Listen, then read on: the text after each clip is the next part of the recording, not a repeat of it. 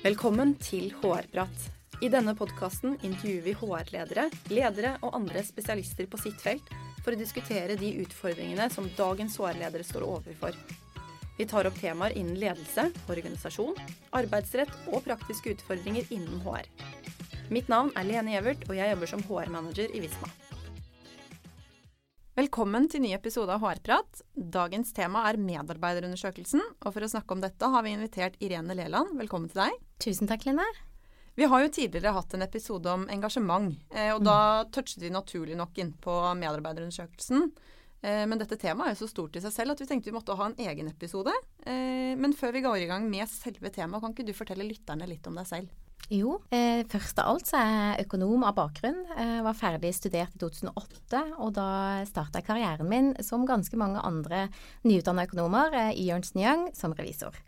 Eh, og det holdt jeg på med i et par år. Eh, lærte veldig mye. Eh, og så fortsatte jeg egentlig litt tilfeldig på HR-avdelingen internt i Ernst Young. Og i dag har jeg jobbet med HR i ni år, eh, hvorav seks av de har vært i, i Visma. Og i Visma så har jeg jobba litt sånn ulike steder, men i dag så jobber jeg i HR på konsern. Eh, og her får jeg lov å være med å påvirke HR-strategien i konsernet. Jeg jobber tett med alle eh, de HR-menneskene som vi har rundt om i selskapene våre. Og så er vi med å utarbeide og rulle ut en del policies og best practices på HR-området. Og utover det så er jeg sørlending, eh, har bodd i Oslo i elleve år, eh, har en samboer og en liten gutt på tre og et halvt. Bra, tusen takk. Da er vi alle litt bedre kjent med deg. Ja. Eh, kan ikke du begynne å fortelle litt om hvordan jobber et stort konsern som Visma egentlig med medarbeiderundersøkelsen? Mm. Jo, og det er jo et stort spørsmål. Eh, men først av alt så vil jeg kanskje si at eh, jeg opplever at medarbeiderundersøkelsen står veldig støtt i Visma. Opplever at den prioriteres og verdsettes, og det tror jeg er et viktig fundament. Dette med at vi gjør ikke dette fordi vi må eller fordi vi burde, men fordi vi faktisk mener at det er det viktigste styringsverktøyet vi har når det kommer til våre ansatte. Mm. Um, og selv om vi er et software-selskap, så er det menneskene som driver selskapet vårt. Uh, det er de som utvikler, selger og leverer tjenester på toppen av softwaren. Så det er viktig for oss. Ja. Uh, men rent sånn praktisk så gjennomføres undersøkelsen uh, to ganger i året. En gang på høsten og en gang på våren. Um, og så er det en undersøkelse som er lik for hele konsernet, så uavhengig av selskap, mm. divisjon og land. Eh, og vi prøver òg å inkludere selskap som vi ganske nylig har kjøpt, eh, inn i undersøkelsen. Så det er ikke uvanlig at selskap som eh, kun har vært en del av Visma i et par måneder, også er med i, i undersøkelsen. Mm. Mm. Eh, og så består den av 15 spørsmål, eh, og det vi aktivt måler og aktivt jobber med, det er engasjement. Ja. Mm. Eh, hvordan er responsraten eh, i, i, undersøkelsen? Altså, har dere noe krav? Hvor høy pleier den å være? Hva, hvilke tanker har du om det? Mm. Eh, jeg tror vel teorien sier at man bør ha en svarprosent på 75 eh, eller ja. mer for å på en måte kanskje gjøre gode analyser og jobbe med, med dataene. Eh, I Visma så tror jeg vi i alle år har hatt et mål på å være over 90 mm. Og det tror jeg faktisk alltid vi har klart, og i år så nådde vi faktisk 94% så det er jo kjempegøy. Veldig høyt.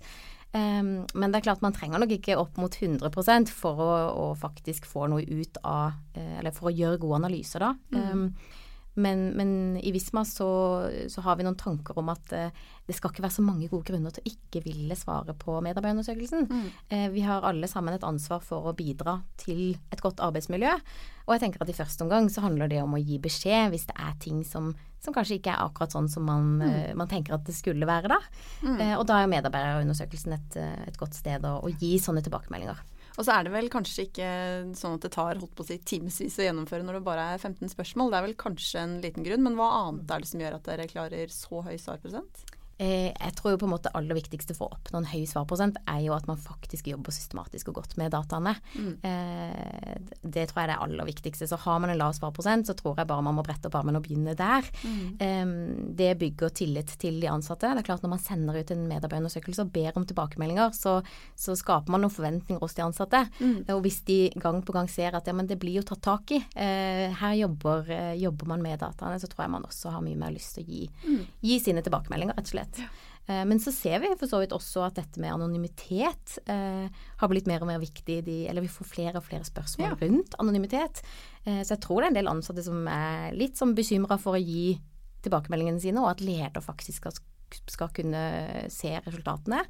Eh, spesielt da hvis de er, ikke er så positive. Ja. Eh, og at det skal, skal, skal, de komme dårlig ut da. Så vi prøver å være ganske sånn eksplisitte med hvordan vi håndterer dette med anonymitet, eh, og at det er en ekstern leverandør som håndterer mm. det. Og vi er ikke i på en måte touch med noen av dataene eh, før det er på en måte fem respondenter eller flere i en enhet, ja. så får vi presentert resultatene. Ja. Så det, det, kan man også tenke på. Ja. Mm. Men eh, du nevnte at det er to ganger i året. Eh, hvorfor akkurat to ganger i året? Er det noen bevissthet knyttet til eh, den frekvensen? Mm. Eh, ja, det er det. Eh, vi vet jo at noen selskaper kjører ganske sånn store medarbeiderundersøkelser, kanskje da én i året med veldig mange spørsmål. Mm. Og jeg tror er, man får sikkert veldig mye bra ut av det. Eh, vi har valgt å sende ut vår to ganger i året og begrense antall spørsmål litt. Og det tror jeg nok primært er fordi eh, vi ønsker å holde lederne våre skjerpa, holde mm. fokus. Eh, når vi får resultater fra medarbeiderundersøkelsen, så er det ferskvare. Det er noe vi må følge opp med en gang, ikke om to måneder eller fire måneder eller et halvt år eller et år. Mm. Um, og da, da, vet vi at lederne er travle folk. Sånn at hvis det er et år til neste undersøkelse, så kan det jo skje at man nedprioriterer oppfølgingen litt. Ja. Så det vil vi hindre. Eh, så vi har, vi som selskap har rett og slett ikke tid til å vente et år på å se om, eh, om de tiltakene vi setter i, setter i gang, får, får effekt. Mm. Mm. Men kan ikke du fortelle litt om bakgrunnen? Altså Hvilken forskning er det Visma har valgt å støtte seg til? Mm. Eh, jo, vi har valgt å støtte oss til en veldig tung forskning på området, nemlig Gallup sin Q12-forskning. Eh, og det er en eh, veldig omfattende forskning. De har forska i over 30 år, og jeg tror det er så mange som 35 millioner ansatte som har vært gjennom eller tatt del i forskninga. Mm. Og det Gallup har kommet frem til, det er at det er tolv elementer eller spørsmål eh, som man kan stille for å kartlegge ansattes engasjement. Så disse tolv spørsmålene de fører oss eh, rett inn i kjernen av hva som kreves for å få engasjerte ansatte. Mm. Eh, og vi vet jo at mange selskap eh, lener seg til Gallup sin Q12-forskning når de sender ut sine undersøkelser. Mm. Eh, og jeg tror verken de eller vi ville risikert å, å bruke så mye ressurser som vi faktisk gjør, på å måle noe vi var litt usikre på. Ja. Sånn at eh, det er veldig trygt å kunne referere til og støtte seg til denne Q12-forskninga. Og så er det jo, dette vet jeg jo at du og Selje har snakket litt om i forrige podkast, så jeg skal ikke si mye om det. Men, men, eh, denne forskningen viser jo også veldig klart at selskap som har engasjerte ansatte, også gjør det bedre mm. enn selskap som ikke har det. Ja. Eh, og det er jo snakk om både produktivitet, det er snakk om lønnsomhet, sykefravær mm. og kundeservice. Så det fins jo ingen gode grunner til å ikke ikke måle eh, engasjement og jobbe aktivt for å ha engasjerte ansatte, egentlig. Mm. Og med Gallup i, i, grunn, så vet man jo faktisk at da måler man det man ønsker å måle. Og det er jo for så vidt også fordelaktig fremfor å bare ja, finne på noen spørsmål selv, Helt som noen klart. også kanskje gjør. Ja, ja. Men det kan jo være eh, ganske tidkrevende å gjennomføre en medarbeiderundersøkelse. Hender det at du opplever at vi utfordres på tidsbruk av ledelsen? Mm. Eh, ja, først så kan jeg jo bekrefte ja, det tar ganske mye tid ja. å følge opp en, eh, en medarbeiderundersøkelse. Både i forkant og underveis, og selvfølgelig mest i etterkant. Mm. Eh, men nei, eh, det føler jeg egentlig ikke at, at, vi gjør. Det er mulig noen har eh, tatt den kampen eh, noen år tilbake før min tid, jeg vet ikke. men i dag så føler jeg nok at det er mye kunnskap mm. om temaet. Ja. og jeg føler at det er veldig opp og vedtatt at det er viktig å ha engasjerte ansatte, og at det er liksom full enighet, enighet om at dette skal vi faktisk tid på. Um, så, så, nei, jeg føler nok ikke det. Men jeg tror vi som bruker mye tid på å jobbe med medarbeiderundersøkelser, vi vet jo at vi tar en del tid fra de ansatte, mm. selvfølgelig. Mm. Uh, så vi prøver jo å være bevisste i det. F.eks. når vi kjører workshops i team som, som har, uh, har, en del utfordringer, uh, så sender vi gjerne resultatene i forkant. Vi ber den ansatte, eller de ansatte, sette seg inn i resultatene, mm. gjøre seg opp noen tanker om hvorfor er resultatene som de er, og gjerne har de noen konkrete innspill mm. eh, til ting man kan gjøre for å forbedre det. Sånn at idet vi møtes eh, i denne workshopen rundt bordet, så kan vi ha gode diskusjoner fra første stund, da, mm. i stedet for å bruke mye tid på å presentere resultatene. Ja. Så vi er nok ganske bevisste på det. Men mm. hvordan er det dere har gått frem for å velge hvilke spørsmål som faktisk skal være med i undersøkelsen? For det er jo ikke sånn at dere har med alle de tolv spørsmålene fra Gallup. Mm. Nei, det er jo en kombinasjon eh, av at vi har ønsket å støtte oss på denne Q12-forskninga eh, og bruke de spørsmålene som en slags sånn base. Eh, men så har vi også en del andre spørsmål som vi opplever er veldig relevant og viktige for oss som konsern. Eh, samtidig som vi har ønsket å holde en antall spørsmål på et ganske sånn fornuftig nivå. Vi pleier å ligge rundt 15, eh, og ikke bare fylle på og fylle på. Eh, så da har vi vel endt opp med Vi har vel totalt ni av Gallup sine tolv spørsmål. Mm. Eh, og hvordan har vi valgt ut eh, akkurat de ni, da? Eh, da har vi sett på hvilke spørsmål vi opplever som, er, som passer best hos oss. Mm. Vi har snakka med lederne våre. Hvilke spørsmål opplever vi at vi får mest mulig ut av å jobbe med når mm. vi får resultatene? Så da har vi da endt opp med de, de ni da, som vi opplever passer oss best. I tillegg så har vi et EMP-spørsmål som er vår viktigste KPI, måler jo ansatt lojalitet. Mm. og vi ser at det korrelerer veldig høyt med de andre spørsmålene våre. Mm. Um, og så har vi vel så har vi tre rene lederspørsmål som danner grunnlaget for det vi kaller lederindeksen vår. Mm. I tillegg til et spørsmål som går på dette med kunnskapsdeling. Ja. Mm. Men denne KPI-en som man sammenligner team, selskaper og, øh, og, bruker opp mot hverandre for å følge utviklingen og for å sammenligne om man skal gjøre det, eh, kan du fortelle litt om denne KPI-en og hva det faktisk har å si i praksis? Mm. Ja, denne EMPS-en eh, står jo for Employee Net Promoter Score, og det den måler er jo ansatt lojalitet. Mm. Um, og det er en ganske sånn brei skala. Eh, litt sånn ny å forholde seg til hvis man ikke har jobbet så mye med det før, men, men eh, den går fra minus 100 til pluss 100. Det er en ganske ja. bred skala. Mm. Um, uh, og det vi har å forholde oss til der, er jo at teorien sier at uh, sunne selskap har en EMPS på 20 eller, eh, eller høyere. Ja. Så 20 til 50 er beregna som eh, en god score. Over mm. 50 er markedsledende, så det er veldig, veldig høyt. Ja. Eh, og vi, som du sa, så får jo vi opp en EMP-score på alle, alle, nivåer i organisasjonen mm. vår. Eh, så det gjør at vi får et ganske godt oversiktsbilde ganske fort. Hvem gjør det veldig bra, hvem gjør det OK, og hvor har vi de vir virkelig store um, utfordringene. Mm. Eh, så da har man jo på en måte en ekstern eh, benchmark. Ja. og så er jo vi vi er jo et stort konsern, så vi ser også at vi bruker eh, litt sammenligninger internt. Eh, F.eks. kan man sammenligne eh, R&D-avdelingene våre opp mot hverandre, salgsavdelingene mm. våre opp mot hverandre. Uh, og det kan også være ganske, ganske nyttig. Mm. Mm. Uh, og én ting som er veldig spennende, det er jo at ja, teorien sier jo at selskap som har engasjerte ansatte, også gjør det bedre økonomisk. Mm. Eh, og nå har vi gjort en, en, stor analyse på dette i Visma. Eh, 64 av selskapene våre var med eh, på dette, hvor vi har sett på, både på EMPS og på Financial Performance. Jøss, yes, så spennende. Ja. Hva fant dere ut da? vi fant da, eh, det er veldig, For oss som jobber mye med dette, så er jo det kjempegøy, da. Men det var en helt klar signifikant positiv korrelasjon eh, mellom disse to. Eh, og korrelasjonskoeffisienten var 0,35. Eh, og det kan høres lavt ut, men hvis man tenker at én er maks, som jo betyr at financial performance kun avhenger av å ha engasjerte ansatte, som vi jo vet at det ikke stemmer, mm. eh, det er andre ting som spiller inn, så skjønner vi at 0,35 er egentlig ganske høy eh, ja. korrelasjon. Så det er gøy å få bekrefta at EMPS og financial, financial performance faktisk henger eh, ganske klart sammen, da. Mm. Men eh, nå har vi jo snakket mye om selve undersøkelsen, og det er jo ingen hemmelighet at oppfølging er utrolig viktig. Vi var litt inne på det i stad. Kan du fortelle litt mer om hvordan resultatene følges opp i praksis? Mm. Ja, oppfølgingen er jo helt sentral. Og vi pleier å si at uh, hvis du ikke har tenkt å følge opp uh, resultatene på en god og systematisk måte, så må man heller la være å sende ut medarbeiderundersøkelsen. Ja. For det skaper en forventning hos de ansatte. Jeg kan si litt sånn generelt om hvordan oppfølginga gjøres, men det avhenger jo av veldig mange ting. Mm. Eh, typ, eh, er resultatene gode, er de dårlige? Hvilke spørsmål er det som kanskje scorer veldig dårlig? Fremstår dette som om det er eh, lederutfordringer? Eh, hvor i organisasjonen er vi? Er vi på mm. selskapsnivå? Er vi på teamnivå? Osv. Så, videre. så det er liksom ikke ett godt svar på hvordan man følger opp. Eh, men det som eh, er veldig viktig for oss, er liksom full åpenhet og kommunikasjon rundt resultatene. Mm. Uavhengig av om de er gode eller dårlige. Så er du jo ansatt og har svart på undersøkelsen, eh, så skal du få en eller annen form for tilbakekobling hvor du blir presentert for hva er resultatene til ditt mm. team. Mm. Så det er veldig viktig for oss. Og så er det sånn at når resultatene er klare, så har vi hatt en tradisjon for å gi HR tilgang litt før lederne, gjerne en liten uke.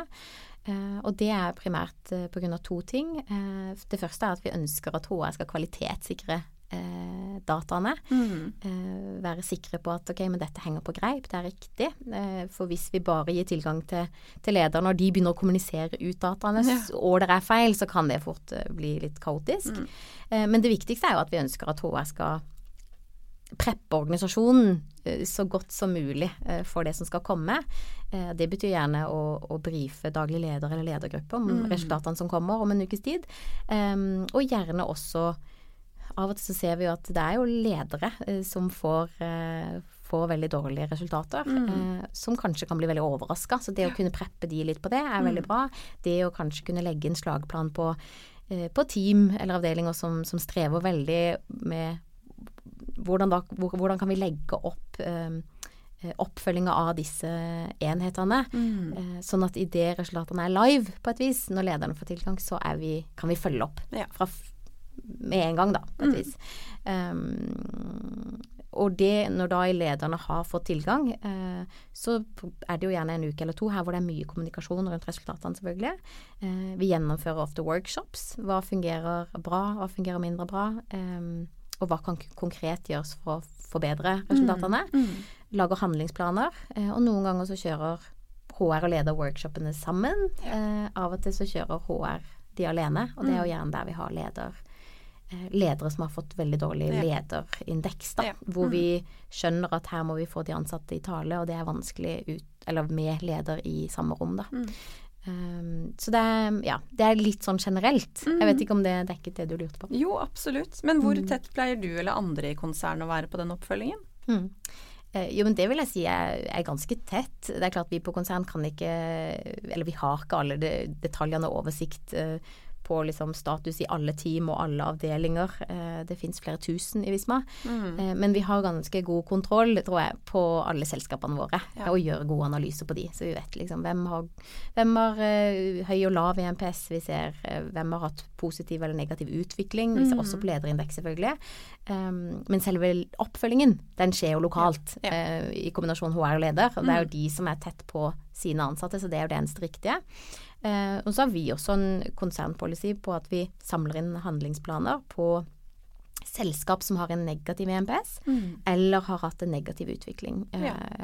på ja, gjerne ti i EMPS. Mm. Og grunnen til det er jo mm, kanskje et par ting, da. Det første er jo at vi vil jo vise at vi er dette er viktig for oss, og vi følger med eh, og er tett på. Eh, men det aller viktigste er jo at vi faktisk selvfølgelig er interessert i HR og leder sine innspill på hva, hva er årsaken, eller hva mener de er årsaken til at uh, dette selskapet har en lav EMPS eller har hatt en negativ utvikling. Eh, Men når dere sitter sånn overordnet og følger alle selskapene, ser dere noen kulturelle forskjeller i, i hvordan eh, medarbeidere svarer i ulike land, eller hvordan man jobber med resultatene? Mm. Ja, det, det gjør vi, og det gjør vi på flere områder. Eh, men sånn som du nevnte, så ser vi bl.a. forskjeller i dette med hvordan ulike land scorer eh, spørsmålene på. Eh, altså hvor villig er man f.eks. til å gå ganske høyt på skalaen og score ganske høyt, da. Eh, og vi i Visma så har vi en del ansatte som jobber på nearshore, eh, altså i en del østeuropeiske land. Eh, og de har mye høyere NPS enn resten av konsernet og Norden. Eh, og der er det ikke uvanlig med EMPS-er på selskapsnivå på mellom 60 og 90. Oi. Eh, så det er jo ekstremt høyt, må vi jo kunne si. Um, men sammenligner vi f.eks. med Norden da, så, så gir, det nok, eh, gir det nok mening. Vi i Norden har det jo veldig, veldig bra på alle mulige områder, egentlig. Eh, og da blir man umiddelbart uh, mer kritisk. Ja. Og det skal mye mer til å kanskje gi ni og ti, da, på en skala fra null til ti.